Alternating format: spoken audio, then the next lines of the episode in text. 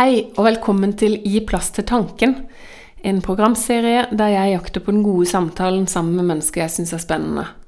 Jeg heter Gunhild Lem, og i denne episoden snakker jeg med Åse Kleveland.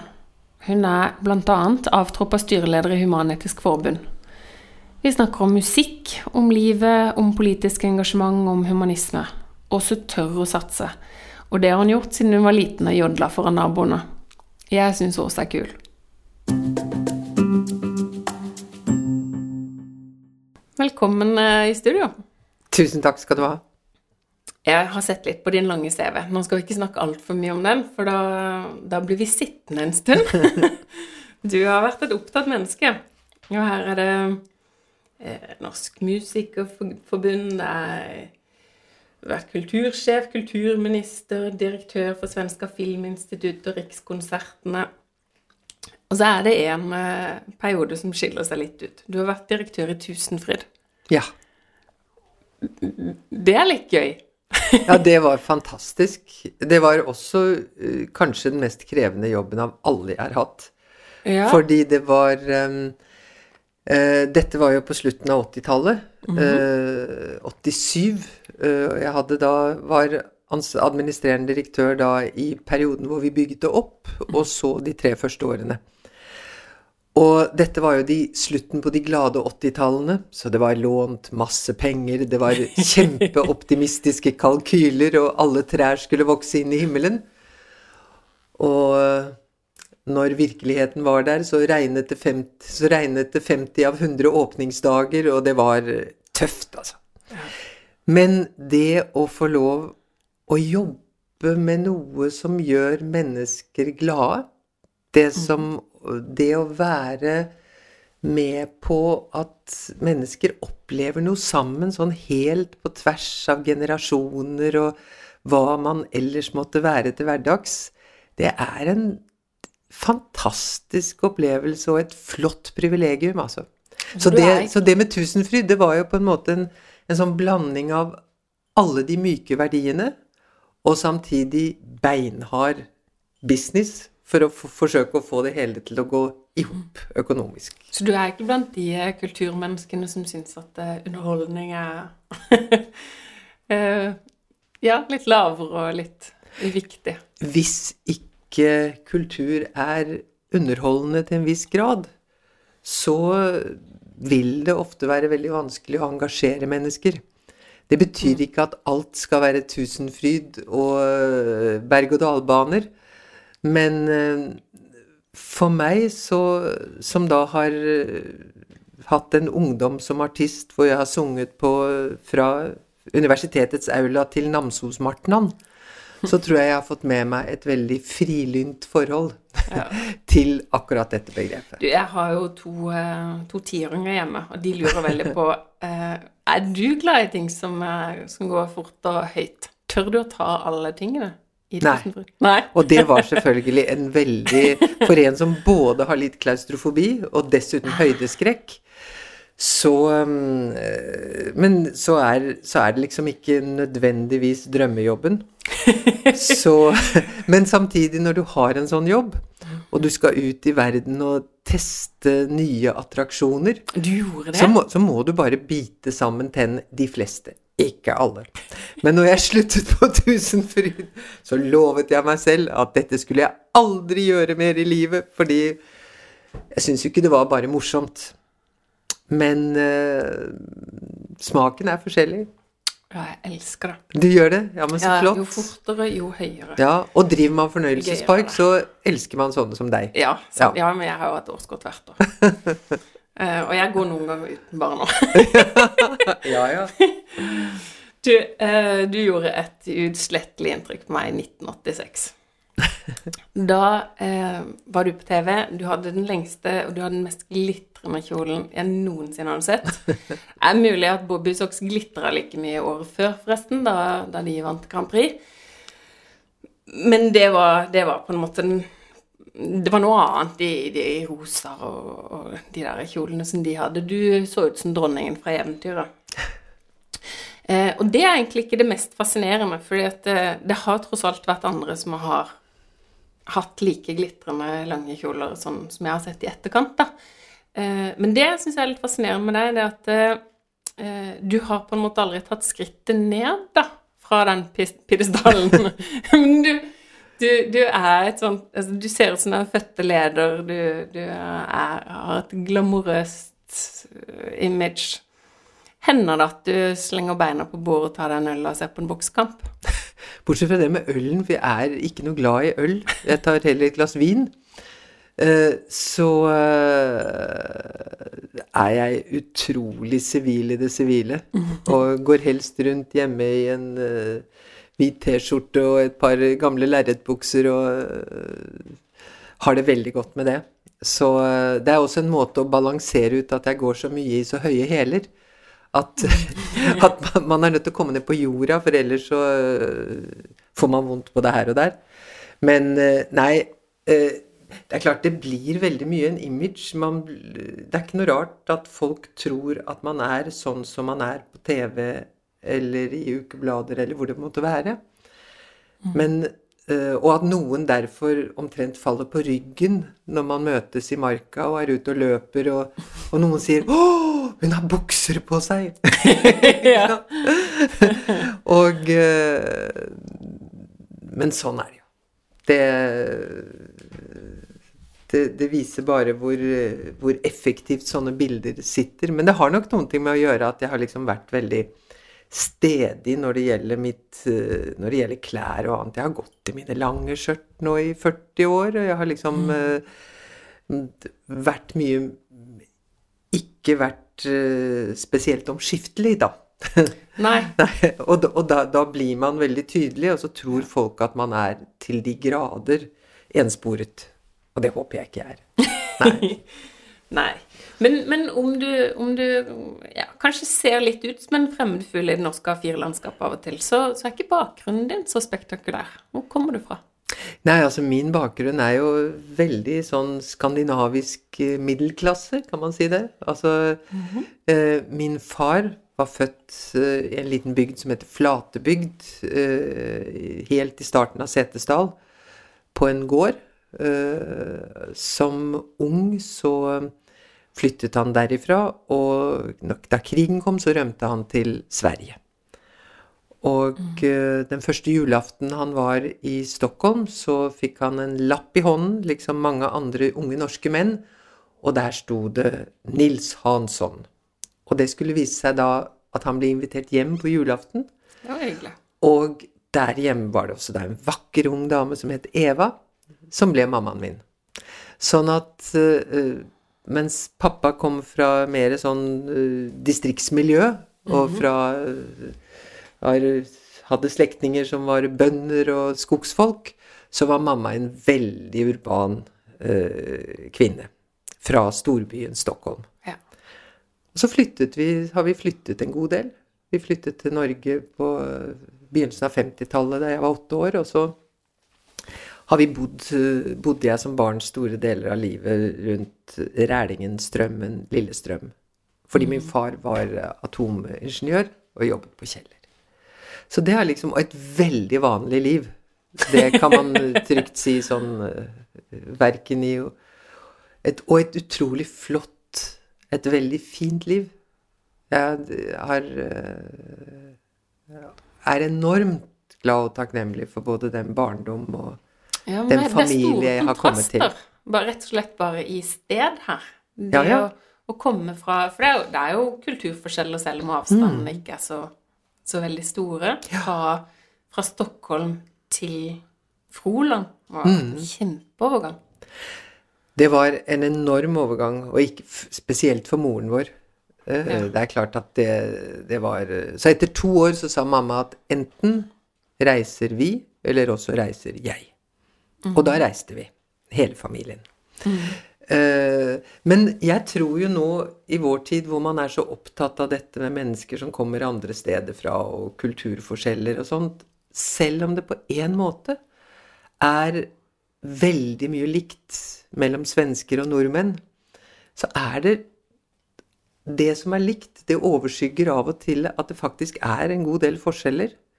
Mm. Og uh, jeg føler jo at det har vært utrolig viktig for meg å få lov å vokse opp i det spennet.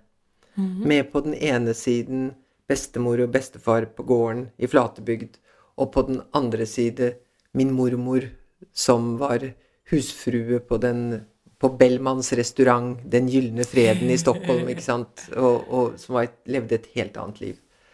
Og at uh, det har vært kjempeviktig for meg, og som også på livssynsmessig hadde to helt forskjellige ståsteder. Hva tenker du da eh, med livssyn? Nei, Med livssyn mener jeg altså at min uh, faren min kom jo fra en bygd hvor uh, som var veldig preget av religiøsitet. Ja. Og kirken og, og Ja, religiøsitet, sånn sørlandsmodellen. Og mens moren min kom fra et helt areligiøst hjem. Resultatet var jo at min far var, en, var veldig skeptisk, for ikke å si imot, mye av det som uh, religionen representerte. Sånn at sa, disse to sammen uh, endte opp Vel, endte opp som en slags sånn må man si? Uh, ja, et Jeg kan si at jeg vokste opp i et areligiøst hjem. Mm. Det er vel Det vil si uten noe forhold til, til, religion. Før jeg kom til Froland, da. Ja. Det var liksom mitt møte med det. Men du må ha stukket deg veldig ut i Froland. Kom det gjorde jeg nok. Fra Sverige og religiøse ja, ja. sier Du har høy og mørk og dyp stemme. Ja. Jo, nei, men det sånn var Jeg var både høy og mørk. Stemmen var på en måte Da jeg var mindre, så virket stemmen enda mørkere. Men så det var, det var utrolig eksotisk, mm. syns jeg. For meg var det jeg, Når jeg tenker tilbake på det, så syns jeg vi hadde religion i nesten hver eneste time. I hvert fall uh, gjennom at vi sang religiøse sanger, eller vi på en eller annen måte hadde Var det religiøse innslag? Uh, jeg tror aldri jeg har uh, lidd under dette. Jeg, du kan vekke meg når som helst på, det, på, natten, og jeg kan mine trosbekjennelser og mine bud og mine, frill, mine religiøse sanger. Men sånn at men, men, det er klart at jeg var en fremmed fugl. Og da det var noe spesielt på skolen, så skulle jo alle gå frem og synge en sang og sånt. Mm. Og da da gikk andre opp og sang 'I Bibelen står skrevet', osv. Mm. Mens derimot når jeg skulle komme opp, da gjorde jeg kjempesuksess med en låt som Alice Babs uh, hadde da gjort populær i Sverige, som heter 'Gjøkuret'. Og det er da en sang der man jodler. Ja. Og sånn jodling med en dyp altstemme, det er uh, relativt uh, pussig. Men uh, Hvordan høres det ut? Det er veldig lenge siden jeg har jodlet, da, men det låter vel omtrent så eh,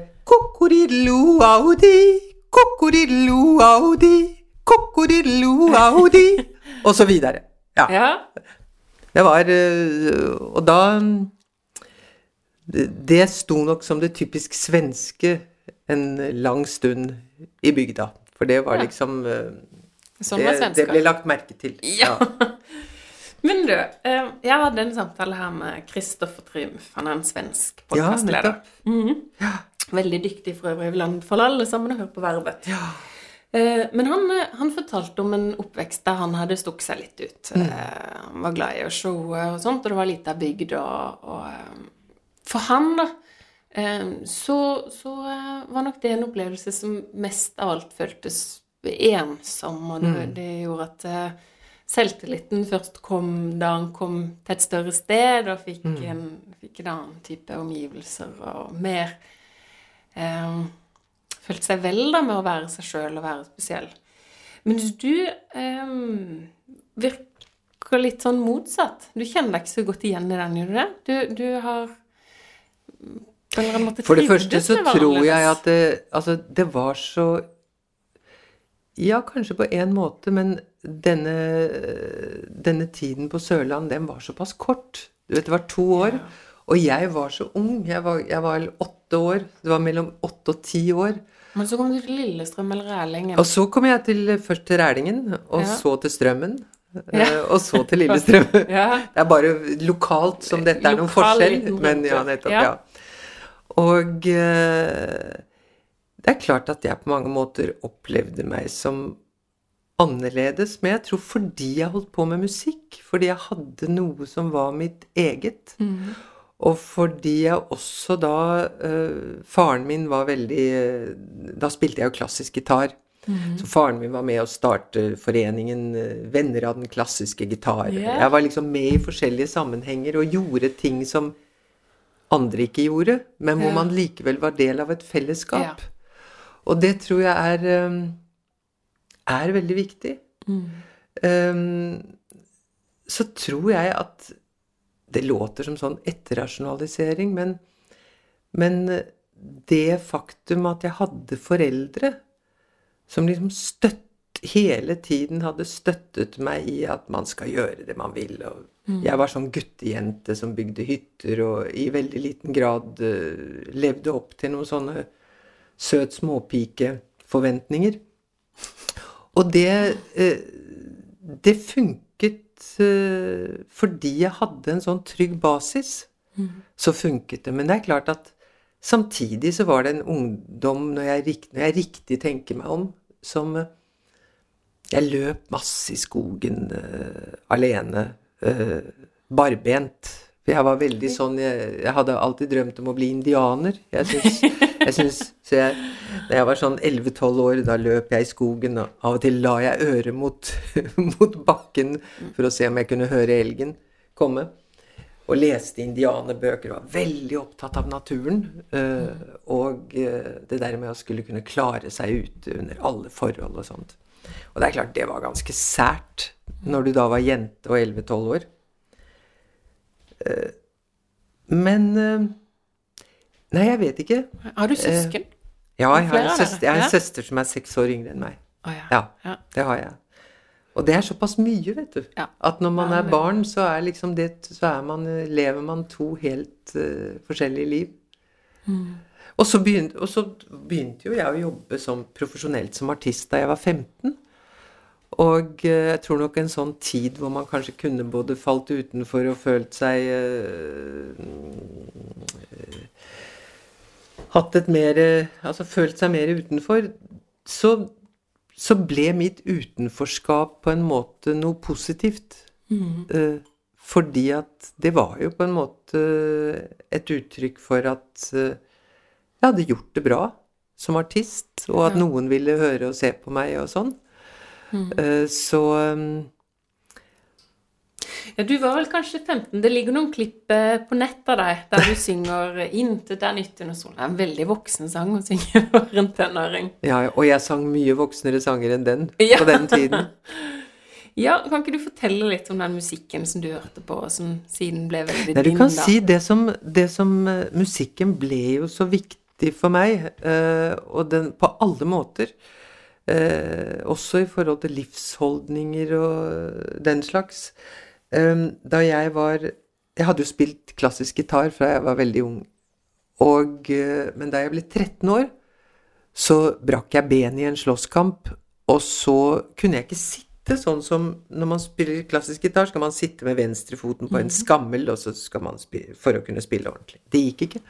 Og så fikk jeg en plate fra min onkel i Stockholm med et par eh, Med da noen nye viser av den svenske visekomponisten og forfatteren Ole Adolfsson. Og det var en som hette Det gåtfulle folket, som handler om barn, også barnas verden. Og så var det da en som hette Mitt eget land. Meget voksne viser. Men fantastiske sanger som tok meg liksom rett opp og ned. Og som eh, Som eh, Når jeg hørte de, selv om jeg da bare var 13, så tenkte jeg Sånn er det. Ikke sant? Og den ene av dem som da hvor teksten går um, når när människorna har hverandre Eller For når menneskene har hverandre, Bor de alle i samme land Og jeg er jo precis som andra Och min hand er så lik din hand og så videre. Det er egentlig kjernen i den humanisme som jeg tror på i dag. Ja. Det er egentlig det det handler om for meg. Og det har det gjort helt siden da. Og, og det gjør at uh, At den sang jeg da Erik Bys Som da hadde det mest populære radioprogrammet, da, som heter Studio 19. Og det var, ble starten på min karriere som artist. Og så, vet du, var jeg så heldig at da var det tiden for Bob Dylan, for Joan Baez, for alle de fantastiske eh, låtskriverne og eh, artistene. Og det var tiden hvor vi var helt sikre på at vi skulle forandre verden. ja. Det var en fin tid. Så det var jeg, Så jeg føler så ofte at jeg var så, har vært så utrolig heldig Ja. som fikk lov å være ung i den tiden. Med så mye håp og så mye rom både for litt sånn galskap og annerledeshet og mange forskjellige uttrykk. Ja, det, det er veldig annerledes fra hvordan det er å være ung nå. Sånn musikalsk så er det jo ikke bare det at eh, kassegitaren nå er erstatta av eh, helt andre ting. Eh, men, men eh, også innholdet i, eh, i tekster og sånt er jo veldig lite idealisme å spore nå, er det ikke det? Altså, det er på en måte både og. Det er ikke så synlig eh, som da, men det finnes der. Og du vet, det er mange ungdommer med kassegitarer nå, hvis nå kassegitarer er velsignelsen. Nei, men den Men, musikken ja. som du hørte på, den var ganske mainstream da, var det ikke det? Var det ikke sånn at det var det Nei, den var ikke mainstream da, vet du. Var Da var den ny for de som sang den, hadde langt hår, og det var eh, i det hele tatt Det var jo et, det var et opprør. Det var jo samtidig Dette var sånn Det er og 2-63. De var jo Ja, men det var jo samtidig. Altså, man skal det, altså, De var konkurrenter, Ja, da. de ble det. Det, det var et eh, Det ene var jo i første rekke massekultur. Det andre var et opprør og en protest. Mhm. Veldig mye. Nei, men det er klart altså Hvis man skal se etter noe av det samme, så må man i dag i stor grad gå til rappen og gå til altså, de formene som både har det dypt konservative og Altså som, som rommer veldig mange forskjellige verdier på godt og vondt. Men det er der også mye du kan finne eh, Altså, der finnes også konstruktiv rap. Det er ikke bare Kvinnefiendtlighet fuck ganger fire. Ja. Nei. Men du, eh, ikke, bare, ikke bare møtte du politikken i disse, i disse visene, men eh, fordi du ble artist, så fikk du vel mulighet til å reise og se deler av verden som nesten ingen andre her hjemme gjorde på den tida. Mm. Ja, det var fantastisk. Jeg, det var jo sånn at eh, jeg kom med min første LP da jeg var 15, var jeg vel, og så kom jeg med neste året etter. Og den ble veldig eh, Fikk stor oppmerksomhet i Frankrike. Og dermed så ble jeg jo eh, Jobbet jeg mye i Frankrike eh, veldig tidlig. Eh, og via Frankrike så kom jeg meg da, da Så ble jeg også da eh, engasjert for en lang turné som dro over et par måneder i Japan. eh, Hvilket igjen betydde da at vi reiste At jeg for første gangen fikk reise jorden rundt. Men jeg hadde da, fordi jeg var så mye borte fra skolen, så hadde jeg fått beskjed av rektor at nå måtte at det, Da gikk jeg i realskolen, at nå måtte jeg bestemme meg. Enten så måtte jeg fortsette på skolen, og da kunne jeg ikke holde på med denne reisingen, eller også så Ja, jeg måtte, jeg måtte velge.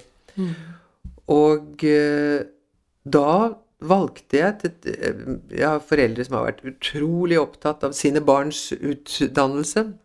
Men da valgte vi å, at jeg eh, sluttet skolen. I hvert fall inntil videre. Men da var mine foreldre veldig opptatt av at det, de reiser jeg dro ut på, skulle være en slags Skulle jeg lære noe av. Utover å stå på scener og ha det generelt festlig. Eh, Så da jeg dro ut på denne store turen verden rundt, så var selvfølgelig mamma med som eh, anstand. Og det var en sånn øyeåpner for meg også. Fordi at eh, Du vet Nå vet også ganske unge ba, ungdommer og sånn vet så mye om hvordan verden ser ut. Men da var eh, Da var langt vekk i stand mye lenger vekk mm. enn i dag. Og det å møte, det å komme til slummen i Bangkok, i Hongkong, eh, få se sånn grunnleggende fattigdom, uh, forfølgelse, misbruk av mennesker, det var et utrolig sånn sjokk for en protestsyngende 18-åring. Mm. Uh, og mine foreldre hadde jo da på forhånd sørget for at det var uh, Vi skulle få møte mennesker som skulle fortelle oss om hvordan disse stedene var, og vi skulle kunne stille spørsmål og Altså ikke noen vanlige guider, men Nei. kloke folk. Ja. Og jeg glemmer ikke Det var vel da vi var i Hongkong, så var vi i Walled City og så oss rundt, som var, var en sånn lovløs del av Hongkong på den tiden. Og det var fukten dryppet langs veggene, og det var hunder som haltet omkring, og det satt noen kvinner inni noe som lignet et bur. Altså det var, det var som å være på kino eller i et teaterstykke. Og så på kvelden, og så når vi møtte denne mannen så, som vi skulle snakke med, så er jo det første spørsmålet Men hvordan hvordan kan det ha seg at mennesker finner seg i sånt som dette? Mm. Hvorfor gjør de ikke opprør? Og da sa denne mannen på en klok og rolig måte sa at det er, det er mange grunner til det, men en av dem er religion. Det som gjør at de i det hele tatt står ut, det er at de satser på et liv etter dette. Og for å være sikre på, og i hvert fall få det livet, så er de ydmyke. Så aksepterer man mye mer enn man ellers ville gjort. Og alt dette gjorde jo at det var mye jeg kom hjem med i hodet mitt fra den turen. Men eh, noe av det første jeg gjorde, var å gå til presten på Lillestrøm og melde meg ut av statskirken. For da følte jeg på en måte at, at man må ta stilling. Man kan ikke bare gå rundt og på en måte være med i en kirke og med den, de følelsene jeg hadde for Og jeg hadde jo Allerede da jeg var i konfirmasjonsalderen, så hadde jeg jo bestemt meg for at jeg ikke ville konfirmeres fordi jeg ikke trodde på noen gud. Men det som skjedde på denne turen, det var at jeg fant ut Men når man da ikke tror på noen gud, da må man jo, må man jo liksom spille med åpne kort. Da må man også uh, melde seg ut. så for deg så var det nesten litt sånn idealistisk samvittighetsspørsmål ja, å melde deg veldig, ut? Ja. At, uh... ja. Ikke, ikke, være med bare av farten, ikke sant? Ja. Det, det var liksom uh... Men, men um, det, det, er på en måte en, en um, Hva skal vi si? Jeg skal ikke si at det er en fin tanke, men, men det, er en, eh, det, er en, eh, det, var en ungdommelig tanke. Ja, ja. altså, eh, og, og, du kunne ta klart avstand fra, fra, Gud og si at nei, sånn vil du ikke ha det. Men um, hvis du nå ikke tror at Gud finnes, så er det på en måte menneskene som både lager helvete på jord, og som finner mm. seg i det. Også de som ikke tror, i, i Nord-Korea og Kina og ja, ja. sånt. Mennesker har en tendens til å, å bare ja, finne seg, holde ut, fortsette tradisjoner. Tror du fremdeles på menneskene, da? Ja, jeg tror enormt på mennesket. Fordi ja, det er likevel sånn at uh, vi har så utrolig mange bevis på, og vi opplever hver dag, at mennesker kan flytte fjell. Mm. Ikke minst hvis de, eh, hvis de gjør det sammen.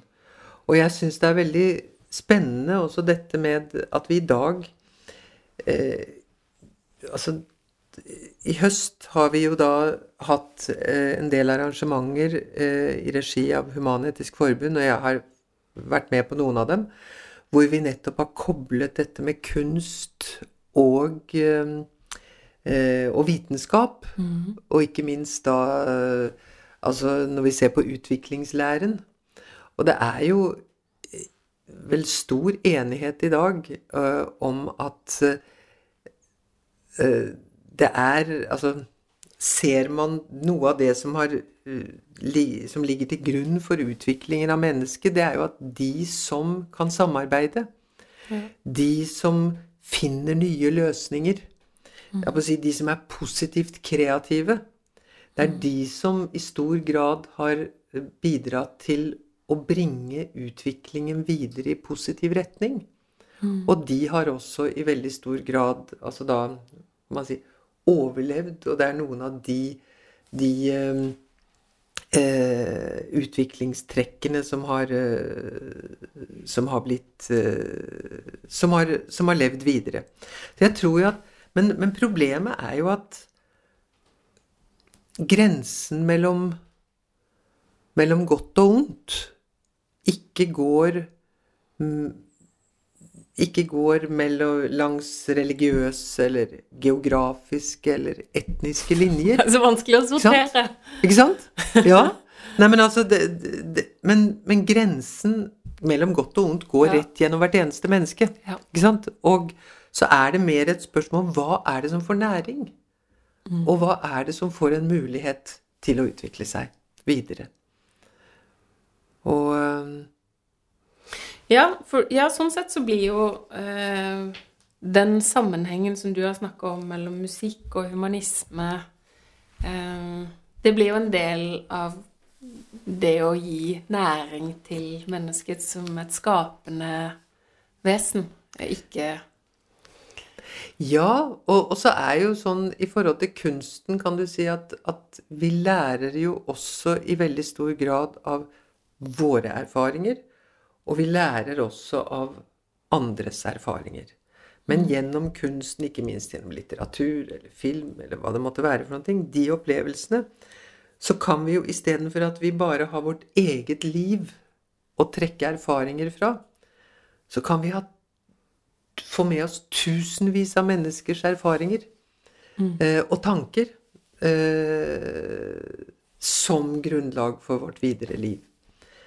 Så um, Men du har jo um,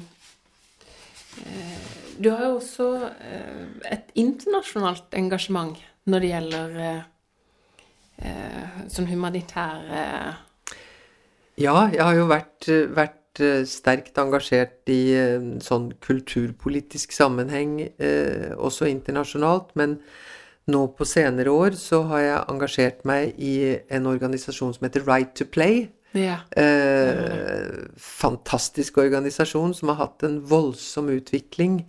Eh, det startet jo med eh, Olympic Aid og mm. Johan Olav Koss. Ja. For ja, neste år er det 20 år siden eh, OL på Lillehammer. Det er så lenge siden. Det er så lenge siden, vet du. Ja. Og eh, nå er jo hovedkvarteret og Johan sitter jo i Canada, og dette har blitt en eh, stor verdensomspennende organisasjon. Og eh, nå i år så passerer vi én million barn eh, i mer enn 20 land som deltar i våre aktiviteter ukentlig. Og det er altså da man bruker fysisk aktivitet, lek, eh, idrett som en måte å Kan du si gi barn og unge eh, kraft, styrke, lære seg hvordan de forholder seg til hverandre. Eh, kombinere det med formidling av kunnskap om alt fra hiv-aids til mm. ernæring. Eh, motivere ungene til å gå på skole. Altså ja. Eh, men framfor alt dette at barn skal få en mulighet til å være barn. Og det du ser, det er at disse ungene som er aktive, de blir ofte veldig viktige i å bygge det sivile samfunn i mm. sine land hvor de er. Og uh, her er vi jo så heldige at vi har også uh, I Norsk Right to Play så har vi en veldig viktig støttespiller i Norad.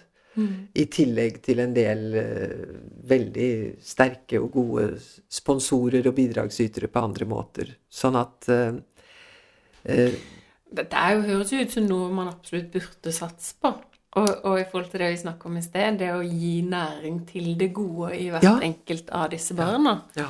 For det er jo det som må til hvis, de, skal, de, hvis de skal vokse opp. Altså mange land eh, De er jo ødelagt, eller mm. Så ting fungerer ikke der. Eh, og da å skulle ha nok inni seg, av, god, av mm. nok godt inni seg, blir veldig vanskelig hvis alt du har sett, er eh, nød og elendighet. Det er utrolig fascinerende å sitte i fjor høst, var jeg i Rwanda. Mm. Dette landet som man liksom får litt Det går litt kaldt nedover ryggen bare av navnet. Ja. Det forferdelige folkemordet. Og så kommer man dit, og så møter man utrolig fantastiske mennesker som strever eh, Altså i et land som er på et eh, ganske lavt utviklingstrinn på mange måter, men med en masse unger. Og eh, når man da kommer opp i små fjellandsbyer, så ser man da barna som har rollespill som de spiller da for sine foreldre. Og disse rollespillene, det, da, de, da, forestiller de små familier, ikke sant? Og hvordan de da fremfører små skuespill, hvor moralen i stor grad er at når eh, foreldrene heller vil at ungene skal gå i åkeren, så skal de gå på skolen. Mm. At eh, barn skal man ikke slå, barn skal man snakke til. Mm. At, at plutselig sitter det da voksne og ser med store øyne på hvordan deres egne barn på en måte eh, formidler budskap om både forståelse og respekt. Mm. Og det kan handle også om noe så enkelt og samtidig viktig som ernæring. Så det å gi unger kraft og helse og kunnskap, mm. det er jo liksom den viktigste måten å bidra til å løfte land som strever på. Altså På 60-tallet så hadde man kanskje veldig sterk tro da, på at verdens problemer skulle løses, men man hadde ikke nødvendigvis veldig gode løsninger. Mm. er, historien er ganske full av mislykka prosjekter og militære intervensjoner som mm. kanskje har hatt en eller annen idé om at nå skal ting bli bedre, eh, mm. som ikke har funka. Men vi mm. har jo etter hvert fått en del kunnskap og større muligheter til at det kanskje skal gå. Ja. Tror du ikke det? Jo, definitivt. Og så tror jeg at noe av det viktige når man går inn på en måte som dette, det, eller går inn og bidrar, det er, jo, det er jo ikke minst at vi uansett så forutsetter man at 50% av barna er jenter. Mm. At også guttene skal akseptere kvinnelige coacher og instruktører. Altså gjør ting som for oss er veldig selvsagt, men som i noen land er ekstremt kontroversielt. Men som man ser etter veldig kort tid gjør noen ting med holdninger. Fordi ja. at det blir noe helt annerledes naturlig å se jenter utfolde seg fullt ut. Mm. Og ta en ordre fra en eh, kvinne i sammenhenger som dette. Så, så, det så, det, er veldig mange ting man kan bidra til, men fremfor alt å gi den tryggheten og eh, styrken og troen på at de kan mm. få til noe bedre. Ja. Ja, det å få, å få muligheter for jenter er vel kanskje noe av den største forandringa mm. i, i, verden mm. som man kan få til. Det er en krevende prosess, og det er jo liksom dypt deprimerende å se på hvor betydelige deler av verden hvor det faktisk er de som forsøker å presse det den andre veien. Men ikke mm. desto mindre er det da ekstra viktig å bidra til en utvikling i riktig retning. Ja. Hvis du, hvis du på en måte tenker eh, Tenker på, på ditt rike liv, da, alle de tingene du har vært gjennom. Er det noe, er det noe du har vært eh, ekstra stolt over, eller syns var ekstra gøy å være med på? Hva skal jeg si Jeg har alltid vært så dårlig på å se meg tilbake. Jeg har liksom aldri riktig tenkt etter. Ser du bare framover?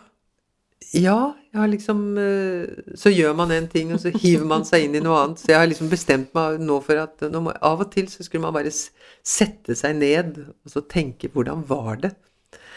Eh, men av sånne veldig nære ting Altså, fordi, fordi, det er både smått og stort. Det er ja. jo sånt i livet. Det kan være Altså På den tiden jeg jobbet i Musikerforbundet, og vi forhandlet avtale Eller jeg var forbundsleder, så var det liksom de store gjennombruddene.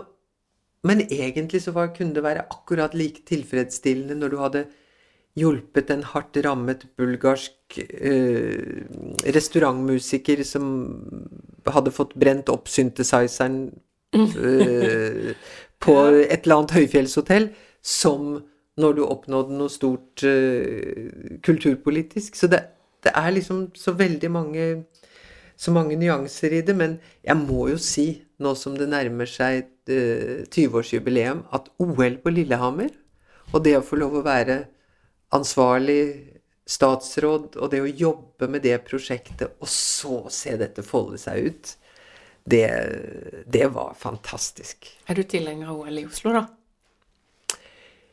Jeg har vært sånn i tvil, uh, må jeg si. Men, uh, men, jo, til syvende og sist så tror jeg det. Men det har jo litt å gjøre med hvordan man skrur det sammen, mm. og hva dette kommer til å få for, for uh, virkninger på sikt. Det er klart. Mm. Og det kjenner jeg ikke nok til. Men OL på Lillehammer, det var eh, magisk. uh, og et sånt OL tror jeg aldri vi vil få mer, fordi vi som nasjon så hadde vi en helt Var det helt andre holdninger enn det er nå? I dag er vi Altså det er bare 20 år siden, men da hadde vi faktisk den høyeste arbeidsledigheten etter krigen. Det var en tid av økonomisk eh, veldig sånn veldig stramt. Mm. I dag er vi eh, rikest i verden og eh, forskånet fra de aller fleste katastrofer. Og det gjør selvfølgelig noe med oss. Så da var det, Folk trodde jo ikke dette skulle gå.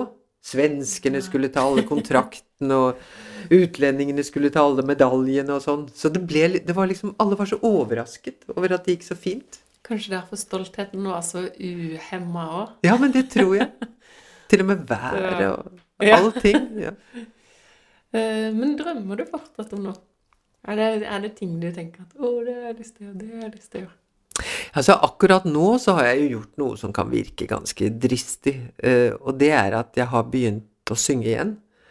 Uh, og det startet med at jeg var For et par år siden så jeg, ble jeg syk og var ute av sirkulasjonen et par år og fikk mulighet da til å tenke meg litt om. Mm -hmm. Og da var det en del ting jeg bestemte meg for. Jeg fant da ut at nå hadde jeg gjort nok målstyringsplaner og eh, rapporter og eh, den mer byråkratiske delen av det å lede. Mm. og så konstaterte jeg jo at uansett hvor gammel man blir, så er det begrenset hvor mange år man har. Og da må man gjøre det man har lyst på. Mm. Og så fant jeg ut at egentlig så ville jeg synes det var flott å jobbe med musikk en stund. Mm -hmm. Så det gjør jeg nå. Og eh, det er jo et dristig prosjekt. Ikke for at jeg tror jeg skal selge masse plater, eller at det skal bli noen ny karriere, men rett og slett bare fordi Av lyst og mhm. glede. Um, og ellers så er det vel liksom mye av det som har båret meg gjennom hele livet, og det er at en sånt ønske om å få lov å gjøre nytte. Mm -hmm. Og eh, hvordan jeg på nye måter skal gjøre det framover, det får vi vel se. Men eh, det tror jeg hos de fleste av oss finnes der hele tiden. At eh, man får sin uh, det, det, er der man Altså Vi trenger å føle at det er en mening i vårt liv, og at meningen med livet i veldig stor grad er det man klarer å bidra med i en større sammenheng. I hvert fall har det alltid vært underliggende for meg. Ja, jeg satt, eh, satt akkurat mens du sa det, og tenkte på, på den sangen du, du, kom med litt tidligere, om at eh, vi er laget av det samme, ja, du og jeg. Ja. Um, for det er jo ikke så mange av oss som kommer til å ha noe i nærheten av din karriere. Men når det kommer til, sånn, til det å gjøre ting som vi trives med, mm. og betyr noe for andre, ja. så er vi jo egentlig veldig like. Ja, men altså helt Og fordi veldig ofte de små Altså fordi man kan ikke se på som grupper, man må se på enkeltmennesket. Og, eh, og eh, de fleste som virkelig gjør en flott innsats i samfunnet, de er jo ikke synlige. De kommer jo ikke i avisene. Nei. Men fordi vi ikke ser dem, så betyr det ikke at det de gjør, er mindre verdt. Snarere tvert imot. For det betyr at de gjør noen ting uten den ytre bekreftelsen som mange dypest sett lengter etter. Å, det var en fantastisk eh, noen fantastisk kloke ord å slutte med, tror jeg. Så kan folk sitte og tenke på det, så kan dere gløde litt, alle sammen. Iallfall gjør jeg det. Og så tenker jeg at ja, vi er veldig viktige. Så tusen takk. Tusen takk skal du ha.